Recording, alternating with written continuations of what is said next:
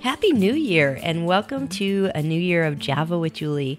I'm Juli Slattery, and this podcast is a listener supported outreach of Authentic Intimacy, a ministry dedicated to reclaiming God's design for sexuality.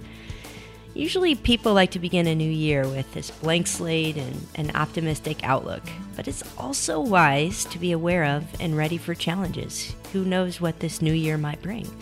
Today, we're going to talk about what it looks like to prepare for and to respond to the storms of life, particularly related to marriage. And for my single friends, don't skip this one.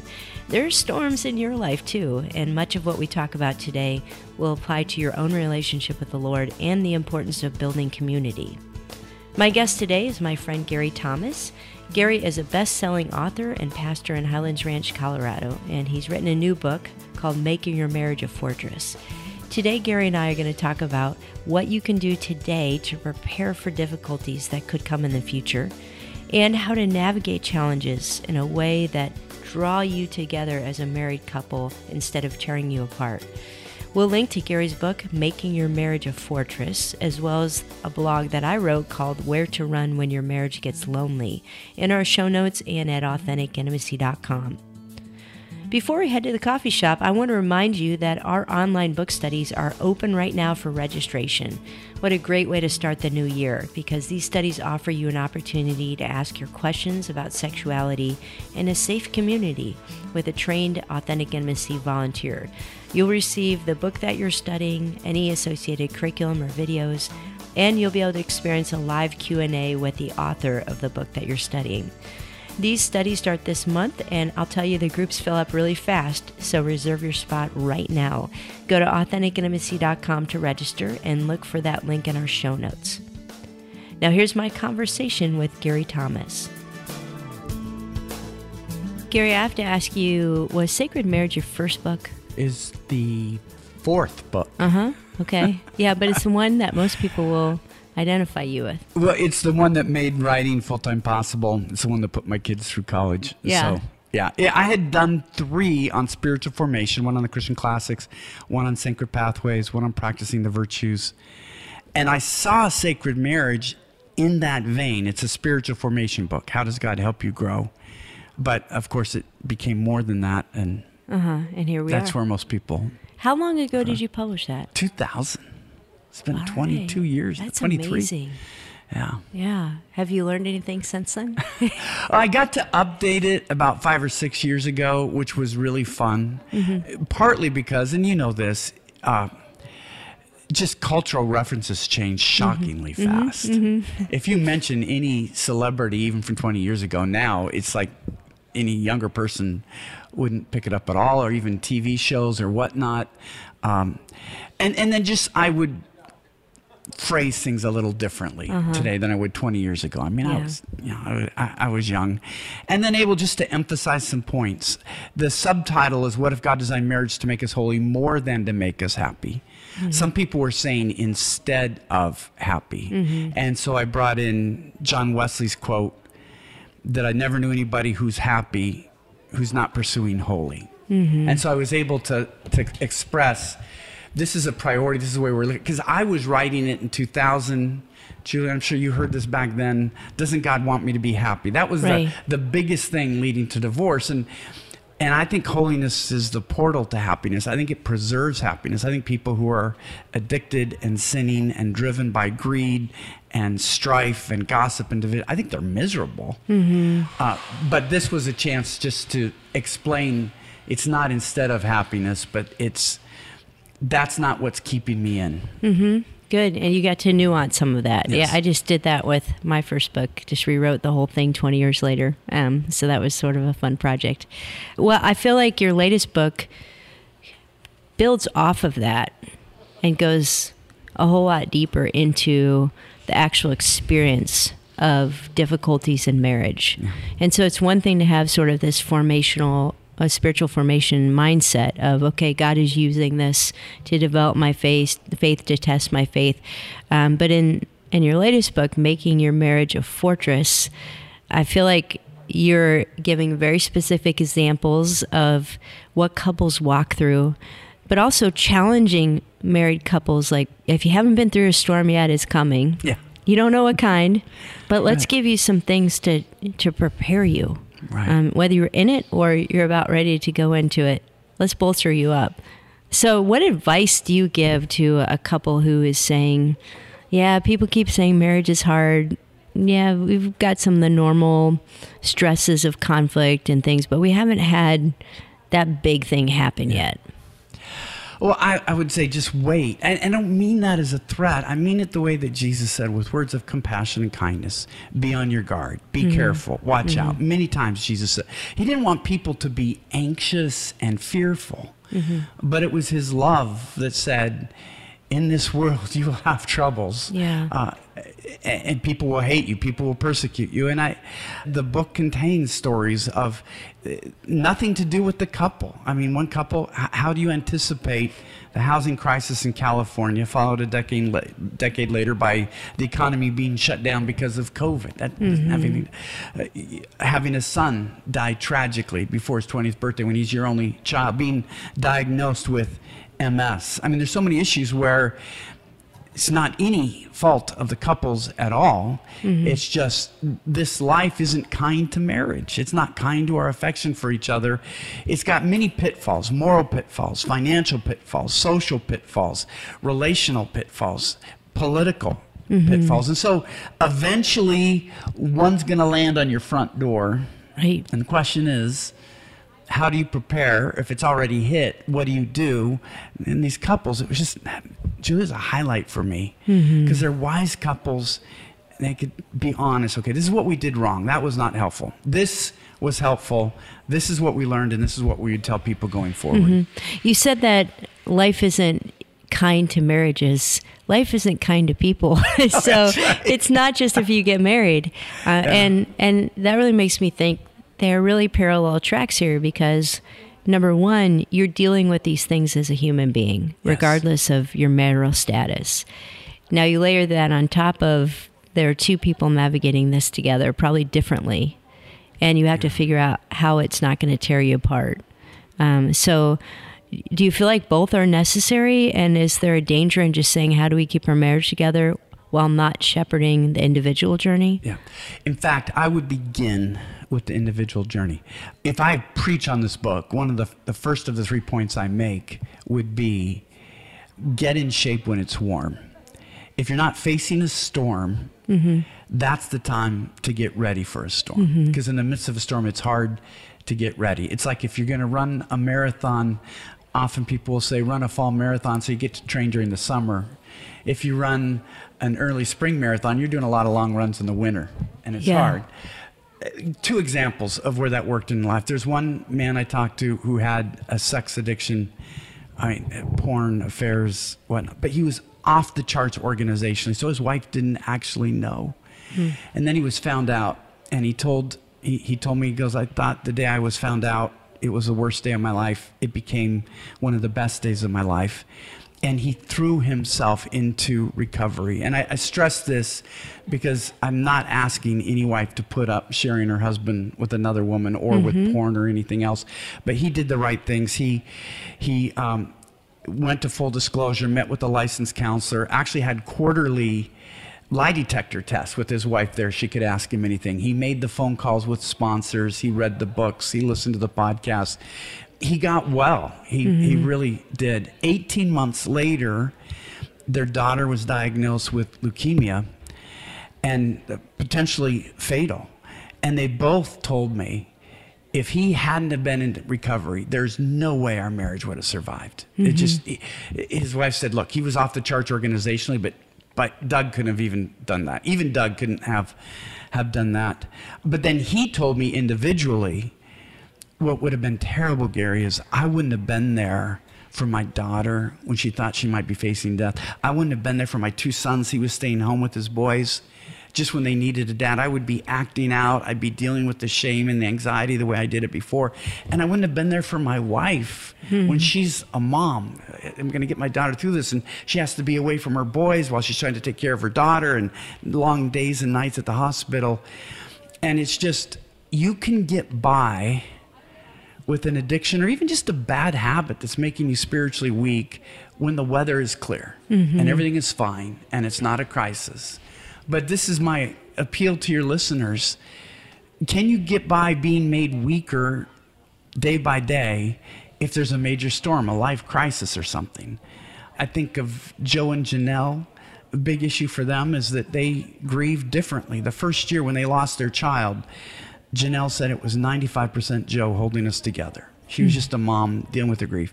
The second year is when Joe fell apart. Mm-hmm. And she said that year it was 75% me, 25% Joe. I think she was being kind to Joe. I think it was 95 5, but Yeah. she was just being kind.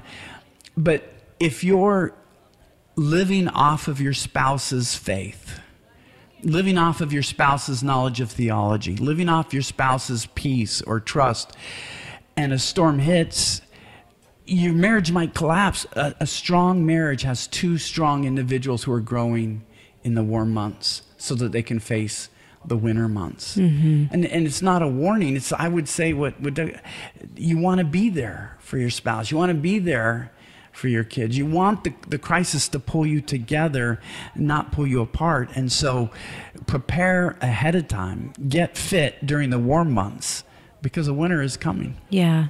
One of my favorite Psalms is Psalm 32. And it's the psalm where David says, You are my hiding place. And, and then he says, You know, all of you are righteous. Seek the Lord now before the waters rise. Ah. And, um, and I always think of that as like what you're saying. It's like the fire drill. You know, like practice where you're going to hide in God now before the waters rise, before the storm comes. Um, and I've had the opportunity to talk to people, married or single, who have faced huge calamity, and they'll testify to the fact that God put them into training before that happened, so they were ready. Like they learned what it was to really see God as a sanctuary every day, to spend time with Him, to depend on Him. The way that you're describing that one couple, like, yeah, he knew he knew how to run. He knew where to run, and um, and so there are some people that are in crisis now, and we want to speak to you. But there are also some of you listening who need to hear the warning that now is the time um, to learn to hide in the Lord and to make Him your fortress. There are two other things that the couples who made it through had done to prepare. The first was they didn't see Bible study as an obligation, but as a joy. I mean, I just, I know a pastor's supposed to say this, but the Bible's a miracle to me. The Psalms, like you mentioned, 32. I mean, the you can get so much out of a paragraph. Yeah. Sometimes out of three words, and we act like we're doing God a favor when He's given us this treasure trove. I think of a couple that hit the financial crisis, and the wife said, why she didn't turn on her husband because it'd be so easy to say, why didn't you see this happening? How come you can't figure out how to get us out of here? You had a decade, we're still dealing with it. Psalm 23 1, nurture her. The Lord is my shepherd, I shall lack nothing. And she said, God made it clear to me. I won't lack, not because my husband's a brilliant businessman or he's going to figure it out.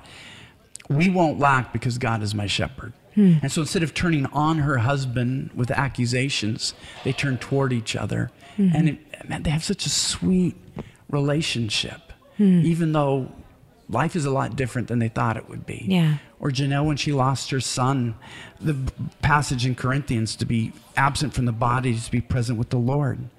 So while she's grieving not being able to be with her son, she's literally rejoicing, imagining Garrett in heaven. Hmm. He said, right now, he's perfectly serving God.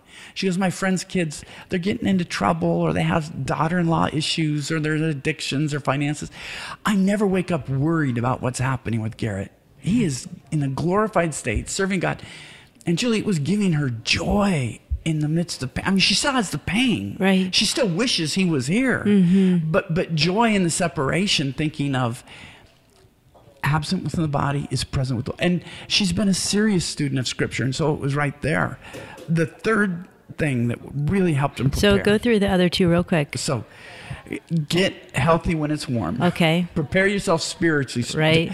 second hide god's word in your heart Mm-hmm. we, we, we need it to call it up and third uh, community um, again we kind of think of church as an obligation so if we do you know some people are like man if i go twice a month that's better than most Yeah. but the couples that made it, I think of Joe and Janelle when they lost their child, They had to make one phone call because they'd been involved in choir and small groups and Bible studies. Their house was filled with people. Uh, and Janelle grabs the shoulders of one of her friends that morning and said, Look, I, I know the statistics that losing a child, especially when it's an only child, usually ends the marriage. He goes, I've already lost my son. Please don't let me lose my marriage. Mm-hmm. And she was getting half a dozen texts a day prayers, scriptures, encouragements, mm. people checking up on them.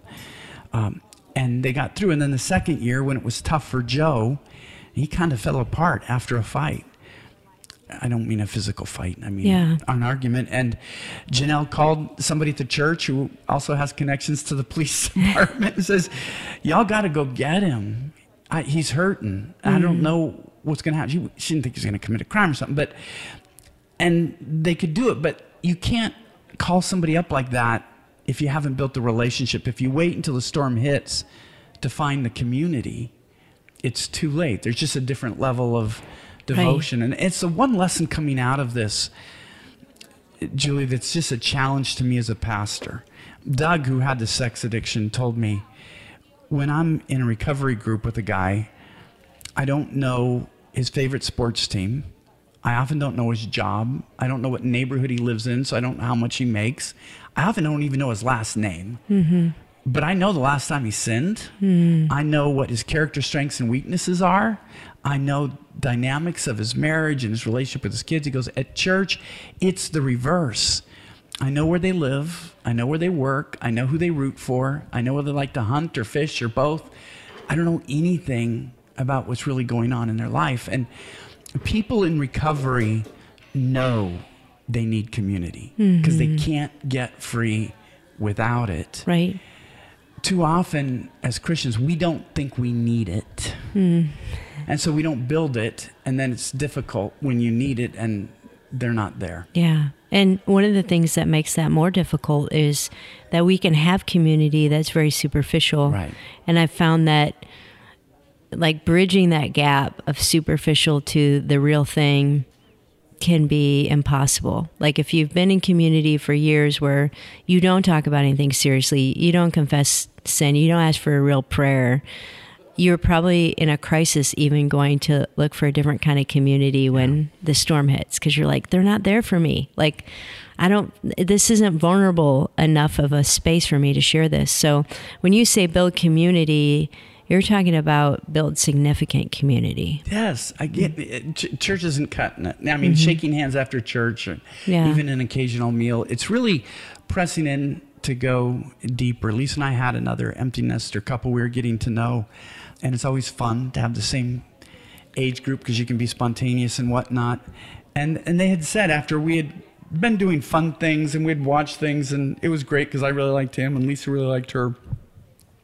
So we got along great as a couple and went to a play together. But they'd said after a sermon where it was addressed, I don't know if I'd preached it or somebody else, but just about sharing crosses or whatnot. And they said, you know, y'all, because they'd shared a couple, you guys never really shared with us and that was an invitation for us. Mm-hmm. I said, "Well, let's get together next time." And then they were like, "Oh, oh, oh, oh!" we had no idea, and it, it changed the nature of the relationship. So when a new storm hit in our life, they have a lake house mm. with a ski boat and jet mm-hmm. skis. The only thing better than owning a lake house is having really good friends who own a lake house. that is and true. Because then you don't have to pay for all that of it and keep it up. Much better and I, I can't tell you, it was just a refuge to be with them, to laugh, to be on the water. We left, and they say to us, "We love you guys." Hmm. And just, I just, you just need to hear that yeah. when the world is a tough place sometimes, and that it felt genuine because they know us, and we've walked them through some things, they've walked us through some things, and and so I would say to the listeners, if you notice you're lacking in that. It's possible to be lonely as a couple. Yeah. Um, no, it's true. Initiate some friends and don't overwhelm them this Sunday. Tell us your deepest, darkest secrets. Do some fun things. Initiate. You might have your heart broken. They might say, We don't have time in our life. Or emotionally, they might not be available for a mm. relationship like that. But keep yeah. going. Find somebody who is. And then even say that, you know, what's really going on? Tell us how you're doing. And then follow up okay, tell us how you're really doing. Yeah. And invite them, and maybe you share first, but uh, th- that's Mm-hmm. it's the best part of life. Next to worshiping God, having healthy friendships is what makes life worth living, I Mm-hmm. think. Yeah, it's fulfilling. This podcast is releasing right around New Year's. And it's interesting that you're talking about this because I remember, oh man, 10 years ago, 12 years ago, I don't, something like that. Mike and I were living in Colorado Springs and we had moved from Ohio. And so we had been there a few years but Mike had gotten really into like New Year's resolutions and looking at what's lacking. And I just remember this feeling of we're lonely. Mm-hmm. Like we're lonely. We have no community. We're away from home.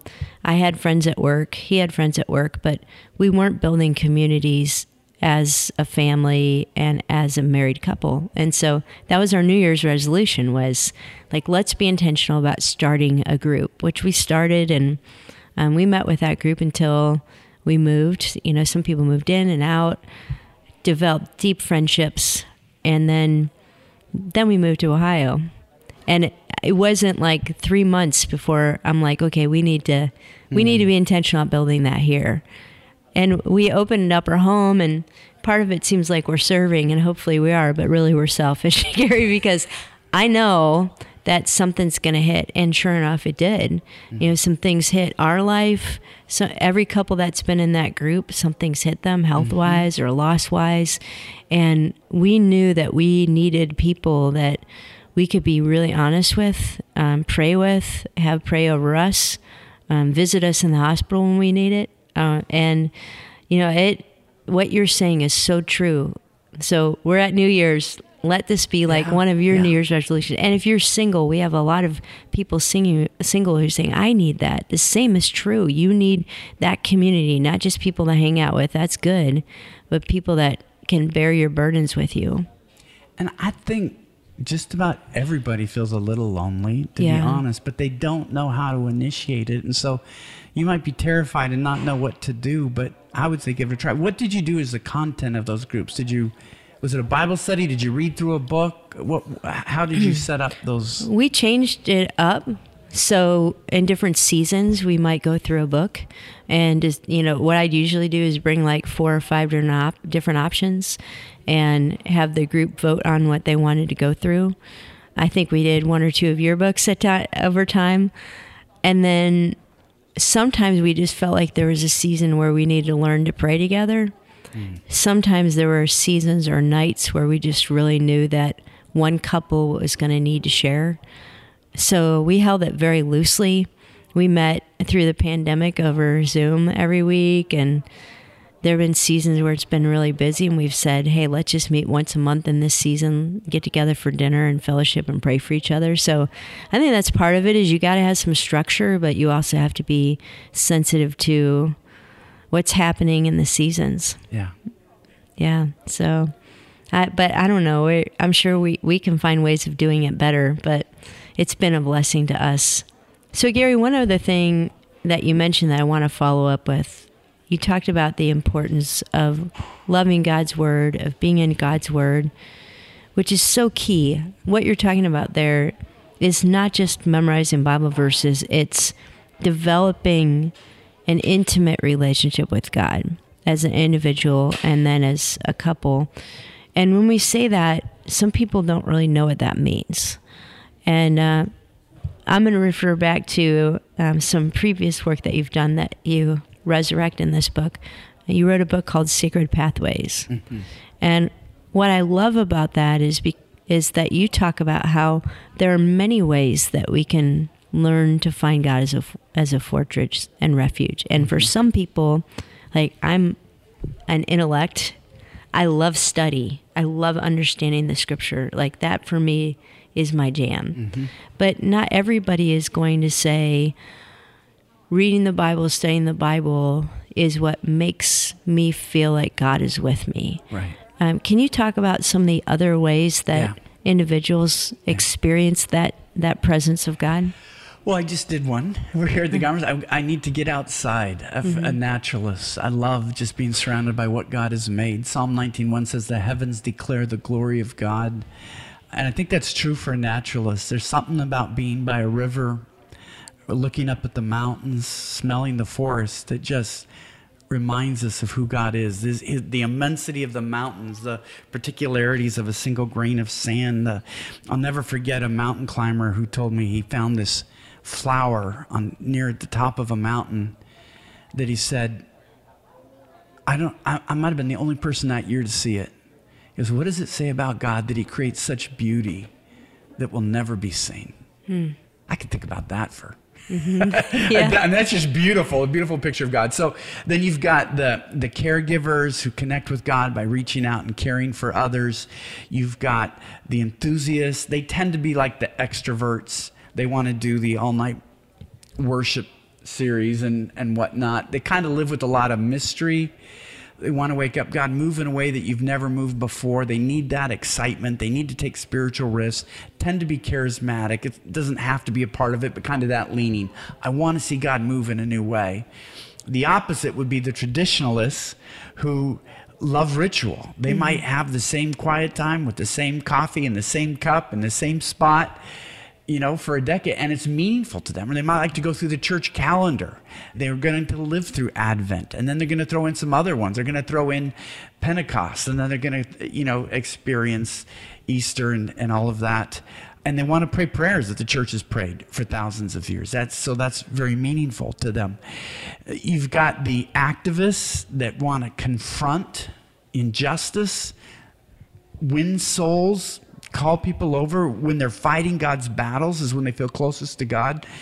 And here's the thing, Juli, when we're talking in the context of marriage, you think of an activist and a caregiver as polar opposites, and they're often at odds with each other. They are, mm-hmm. because I've seen activists try to make caregivers activists and it doesn't work.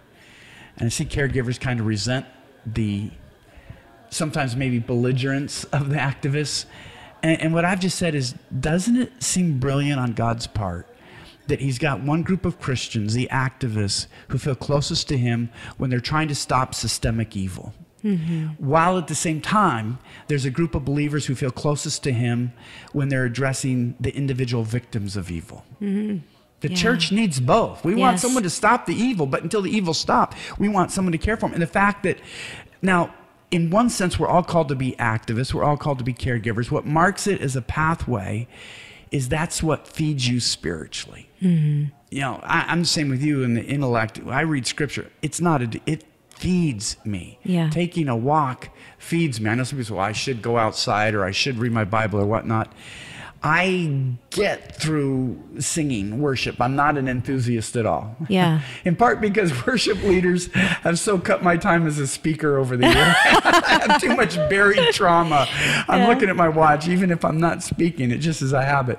Yeah. So we all have different hang-ups, and it's funny because I've often found people who came from a liturgical tradition want to jump into the world of the enthusiasts and people who came from pentecostal traditions suddenly want to become traditionalists more liturgical it, it's just we don't know and i, I don't think there's that's it's not one right way let's learn from each other let's celebrate let's enjoy And also know your pathway. Yes. And so when you're going through hard times, or even as you're preparing, instead of trying to do what somebody else does to bolster their faith, you need to work with the way that God has wired what you. Uh, that's a that's a good thing. and know your spouses. Mm-hmm. If you're married to, we haven't talked about the ascetic, think monk or nun, mm-hmm. whereas the sensate, which I also haven't talked about, likes architecture and sound and majestic things. The ascetic lives in an internal world. Mm-hmm. They want to close their eyes. They want it quiet. They wouldn't have a clock that tick, tick, tick. Yeah. that would drive them crazy because they live internally. And so, if you're married to an ascetic who needs to be alone, don't take it personally when they want to get alone. It doesn't mean they don't love you. It doesn't mean they don't want to pray with you. It just means their best prayers will be when there's nothing there to distract them, even their spouse. And you will do better, and your marriage will do better if you'll let them connect with God the way they connect with God, and mm. then come together and get to do what you want to do. Mm. Good good counsel. Okay, so this is preparation for the crisis hitting. What happens when the crisis hit? How do you see couples react in that first two to three months of losing a child, financial ruin and bankruptcy, a, a terminal illness or diagnosis, what happens? Let me use Daryl and Stacy here. He uh, Daryl was a bodybuilder. He could bench press 400 pounds. It'd take three of me to bench press 400 pounds. It's a lot of weight. And three years after they were married, he's diagnosed with MS. Stacy's the classic half glass empty person, and he's mm-hmm. the half glass full. And of mm-hmm. course, they both think that's the biblical approach. Yeah. Daryl says, You've got to show faith. Here's the thing, Juli. In the end, they were both wrong and they were both right. Hmm. Daryl started out saying, I'm an athlete. I can beat this. I'm not going to give in. So he upped his workouts until the doctor said, Daryl, you're breaking down your body and it can't regenerate. You're making things worse. You can't pretend MS isn't a factor going forward. So he needed to listen to Stacy. But Stacy needed to listen to Daryl that it would turn out right. She thought it was her terrible fear. And it's so many things about meeting these couples moved me. But she talked about a dinner party about 25 years after the diagnosis. Daryl's now in a motorized chair. You know, he went from walking to a cane to a walker to a wheelchair to a motorized scooter. And they're having dinner and they were friends. And she knew she was going to have to leave early. Daryl does better if he's in bed by 8:30 or so. But she just said as they were laughing and enjoying good food, she just said, Stacy, see, this was your biggest fear. That you married this strong husband who could protect you and provide for you and do all these things for you. Your worst fears have come true. He's been immobilized in a large part. Mm-hmm. Daryl would say he can only do about 20% physically of what he used to be able to do. She goes, But you're okay. You mm-hmm. love each other. You have good friends. You have faith. And here's the line that blew me away, Juli. She said, Gary, I believe my fear of MS did more damage to my marriage and family than MS did. Hmm. So she needed to learn from Daryl. It would be okay. Yeah. Daryl needed to learn from her. It's really serious and it's really bad. And so I would say when you face the storm, the first thing is listen to your spouse, respect your spouse, and learn from your spouse. They grieve in different ways. Um, so, yeah, I, I think of the couple that lost their child again. The first year, Janelle was wiped out. The second year, Joe got wiped out. And so it's good that one was strong to pick up the other, but just recognizing it will hit you at different times and in different ways. Allow your spouse to grieve or process the anxiety differently. Be there for them, but recognize that what you need to hear may not be what they need to hear. Mm-hmm. and you do have to grieve i think that's a big piece of it is this is not life is going to be peachy like we're talking about things where there's genuine loss Yeah. and that grief takes time it doesn't happen in a moment i've seen it when couples really feel like the way my my husband's grieving isn't grief Yeah. you know like we start to judge and like grief has to look this way grief has to look like crying but he just keeps himself busy He just goes and hits golf balls Yeah. on the range. yeah he's avoiding it Because, yeah. When when does that become true that maybe your spouse isn't dealing with it isn't grieving versus nope they just have a different timetable in a different way I think in that situation, Juli, what, what I would say as a pastor is deal with your own grief first. Mm-hmm. Because one of the ways to deal with grief is to just put it onto your spouse Like, and judge them. let's work on fixing it's them. so hard to deal with grief in a healthy way that it might be a way for you to escape your own grief by trying to say, "Well, I don't think my spouse is dealing with it." Mm-hmm. When, well, are are you? Have you? Because grief is like the tide. It's Yeah. not like, okay, I'm past it. Joe and Janelle will never be past losing Garrett. Daryl and Stacy will never be past him dealing with MS. There are so many of the issues of these couples that face in their book that it's it's not something you get over. It's it's something you learn. I mentioned two couples in there that had the financial troubles. One great story got into Dave Ramsey's thing. I'm a fan of his program. Uh, I, Financial Peace University. I've just seen a lot of families helped by that. Within three or four years, they were out of debt. When they first got into debt, it was more than they earned in a year.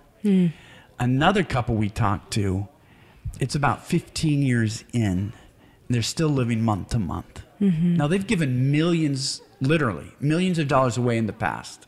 And some hits that weren't entirely their fault got them. And so that we've been faithful, we gave sacrificially. Now, where is God?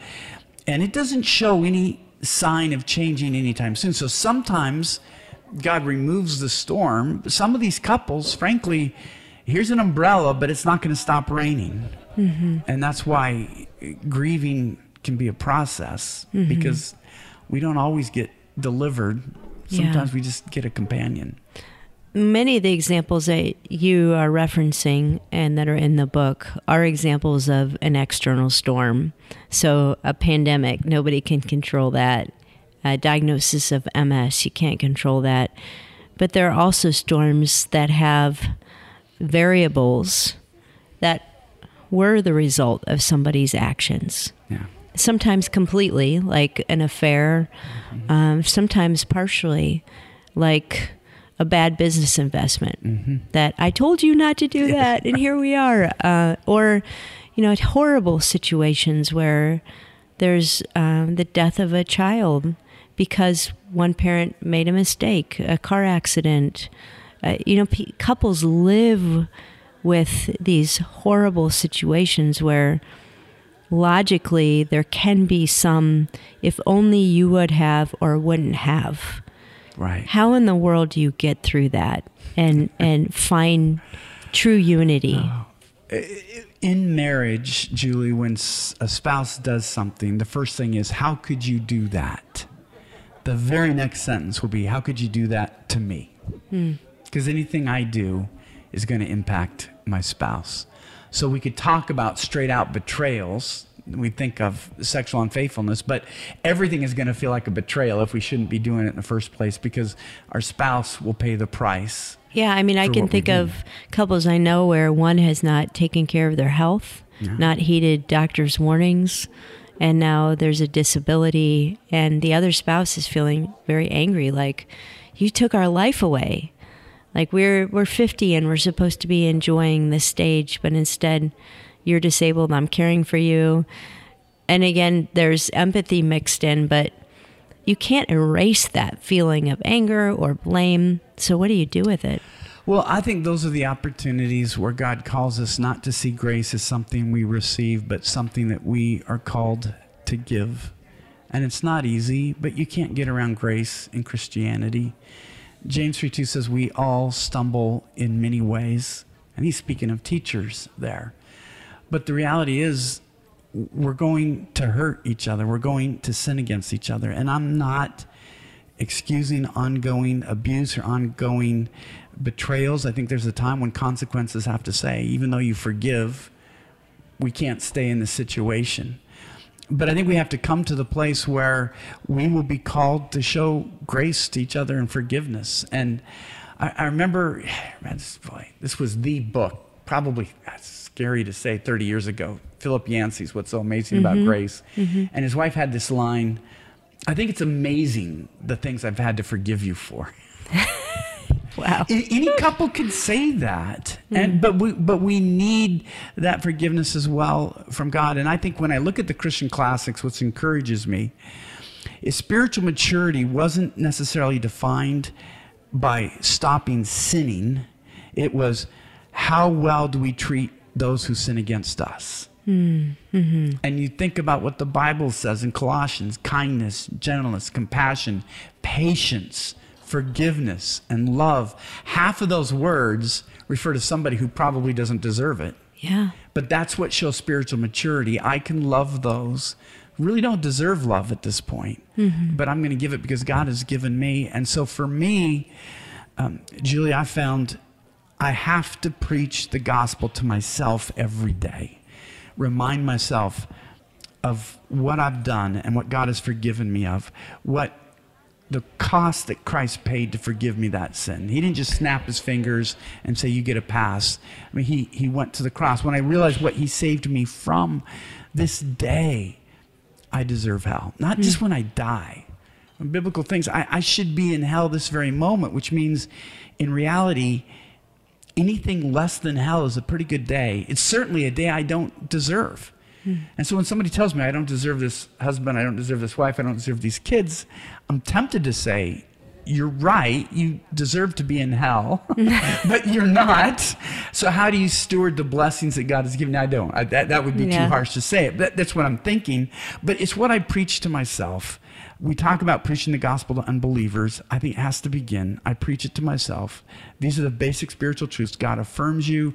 God has forgiven you, and then when I do that, I'm able to give it to my wife and to my kids, and even occasionally to drivers on I 25 and people online and, and whatnot. Just recognizing that for me, it changed when I realized spiritual maturity isn't just not doing bad things, it's learning to love people who do bad things to me. Mm-hmm. That's real Christian maturity. Yeah. That's a lot harder to come by. And marriage is a great gymnasium to build those muscles. It really is. because is. it's more intense. I mean, I don't know that I was ever as angry or fearful as I was until I became a parent because you care so much. Mm-hmm.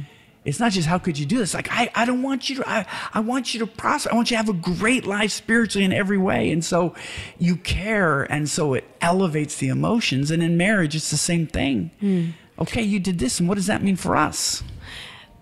What do you think is the part of letting go of things that we hold on to in that? So it's one thing to say, God, I want to forgive. I want to be kind and patient to my spouse, even though I've been hurt in this way. Um, but there's something key that we hang on to that we need to let go of.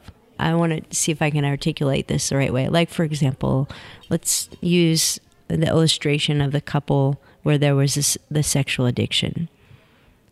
Clearly, that is one person bringing something into the marriage, and there's a whole history behind it. But that that dynamic and those choices have taken something. They have robbed the spouse of something. They've robbed the family of something, and uh, and yes, I want to preach the gospel to myself. I want Jesus to change me. In that process, do I need to call out and recognize what has been lost, grieve it, and release it? Like, is that? I've, I'm saying this because I think that sometimes we skip that step and we go right to who we want to become without the process of how we get there. Yeah. Uh, let me take half a step back. Uh Besides, before we decide what we want to do, which we'll get to in just a second, let's look at what you can't do. Grace isn't a means; it's an end. I don't show grace hoping that my spouse will change. Mm-hmm. They may never change. And again, caveats. I'm not saying you just keep putting up with abuse. I'm not saying you put up with constant betrayals. There's a time when consequences have to be placed. But grace isn't, uh, okay, I'm going to forgive you if this stops or this never happens. I mean, it, they may not even appreciate that you've shown them grace. They may mm-hmm. think they don't need grace. Mm-hmm. but that's what some husbands is like, you forgive me? Fine, okay. I mean, it's like, I don't know. And, but it's for our own souls that we need to see grace as we need to let go of the outcome. Mm-hmm. I'm called to love this person. I'm called to love this person regardless. So I can't base does it work or not. It, it's not a matter of if it works. It's what God calls me to do. I do think it's healthy to grieve and to lay out our request before God. I just, I'm, I'm just dealing with that. Most of the time, if I do that, though, God reminds me of what He's forgiven me and how He loves me. And this goes back to sacred marriage, Juli, that has impacted my marriage more than anything that one time in prayer when God reminded me that Lisa wasn't just my wife, she's his daughter, mm-hmm. and I'm to treat her accordingly. And, you know, having two daughters now, knowing that the best way to get on my good side is be good to one of my kids, easy way to get on my bad side, be mean or cruel. And so, loving my wife out of reverence for God, who is always lovable, who doesn't stumble in many ways, he doesn't stumble in a single way. When I preach the gospel to myself every morning and remind myself what I owe God, then it's just like, okay, God, use me to show your love to this person. And I it's so hard for me because I'm so bad at this. I really have to try to release the outcome based grace. Mm-hmm. I'm going to do this as a strategy to fix things or to stop it so they don't hurt me anymore. Yeah. That's not always going to be effective. Fact, John Gottman says two thirds of the time it won't be mm-hmm. effective, right? Right. And so grace is what we live by, not as a strategy, but as a commitment. Hmm. Yeah. And I guess hearing you say that, like, it's helping me crystallize what my question was. There's a vision of what I wanted, and that vision is gone. And we may never get it back. Right. So the vision of our family looking this way, or the vision of having these children, Yes. or the vision of living at in this socioeconomic security, and your choices have taken that away. Mm-hmm. And to me, like so much of spiritual formation is the circumstances of life showing us those visions of things that we hang on to, that we define as subconsciously happiness, like our health, like dealing with our own mortality. Like in our mind, we really think we're going to live forever. Like, you know, and at some point, something's going to happen where that false belief is exposed and there has to be a surrender or we will not get through it or the surrender of having a healthy spouse and being able to travel and you have a disabled spouse and now you don't have the freedom you once had. Like there's these things that we have to be able to let go of to get to the place that you're talking about. I think the motivation for that might be surprising. I think in Luke 6, Jesus would say it's heavenly rewards. Mm-hmm. He says, What good does it do you if you love those who love you? Yeah. Even the pagans love that way. Or if you lend money to someone expecting to get anything back, he goes, Look, the pagans live that way. What marks the love of Jesus? He said, God is kind to the wicked and the ungrateful. And he says, when you love that way, great will be your reward in heaven. Not your reward on this earth, not your reward from your spouse, but God promises us there will be a day when we'll be with Jesus face to face. Mm-hmm. And I believe Jesus will say to those faithful wives, Your husband never appreciated you. He never got you. He didn't realize how fortunate he was to live this life with you. But I want to show you, and I can't wait to show you, how I spent eternity rewarding the daughter who loved my son so well. Mm-hmm. Enter into your rest, and she's going to be blown away. Hmm. Because we know how much our kids mean to us. I heard you talking about your son today. I mean, it's mm-hmm. just, it's hard to describe. I mean, I, I tell things you have just no idea how important you are to your parents. Well, times that by infinity for God. And when we can love even a troublesome child, and it's not like he isn't spiritually wealthy. It's not like if he writes a check to you, he doesn't have anything left over to write a check to me. When we're talking about eternity and spiritual treasures, there's an unlimited bank. He can create whatever he needs to give us. And I, I do believe, Hebrews says that, you know, to please God, we have to believe that he rewards those who earnestly seek him. Hmm. So I think to have a great marriage on earth, we have to remember heaven. I think we have to know that that is a motivation in the Bible that we love out of reverence for God. We believe that we're married to someone that really matters to God. And I, this is true even if your spouse isn't a Christian. How pleased God is with a man who loves a woman who's not a believer, inviting her to become a believer. Mm-hmm. Because God still wants her to be saved. Timothy says God wants everyone to be saved. Okay, this man is doing everything he can yeah and God is going to reward that. So it, mm-hmm. boy, it might sound depressing that I'm pointing beyond this life No, to the I, next. I, but think, the it's Bible huge. Does. It does, and you know, I've been impressed over the last f- several months of how little I think about heaven, mm. and our whole faith is built on the eternal. So why is so much of my focus and my affection here in this present time? And I think for everything, including in the application of how do you get through these storms, we have to have more of our focus on eternity because that's what we're meant to be living for. Because it's a tough life. It is. I mean, I look, I look at what these couples went through, and like you said, some were their own choosing. Some had nothing to do with them. You might get hit by a drunk driver when you were yeah. driving defensively. Some personal betrayals, you're right, you could eat your way into a lifelong disability mm-hmm. and your spouse has to uh, pick it up. But it's by the end, we face a lot. Jesus said, In this world you will have trouble. That's a promise. But take heart. I've overcome the world. And so the couples that succeeded were really the ones that faith became their identity, their love of God, their worship of God. That's what gave them the strength. And that does point to a different world. As you begin this new year, what are some things that you can do to make your relationship with God a fortress? What steps you need to take to build the kind of community around you that will strengthen you during a storm? And I'll remind you that one way you can start doing that is by reserving your spot in one of our new online book studies. These groups start this month uh, it provides that safe community where you can start working through challenges and get encouragement during storms.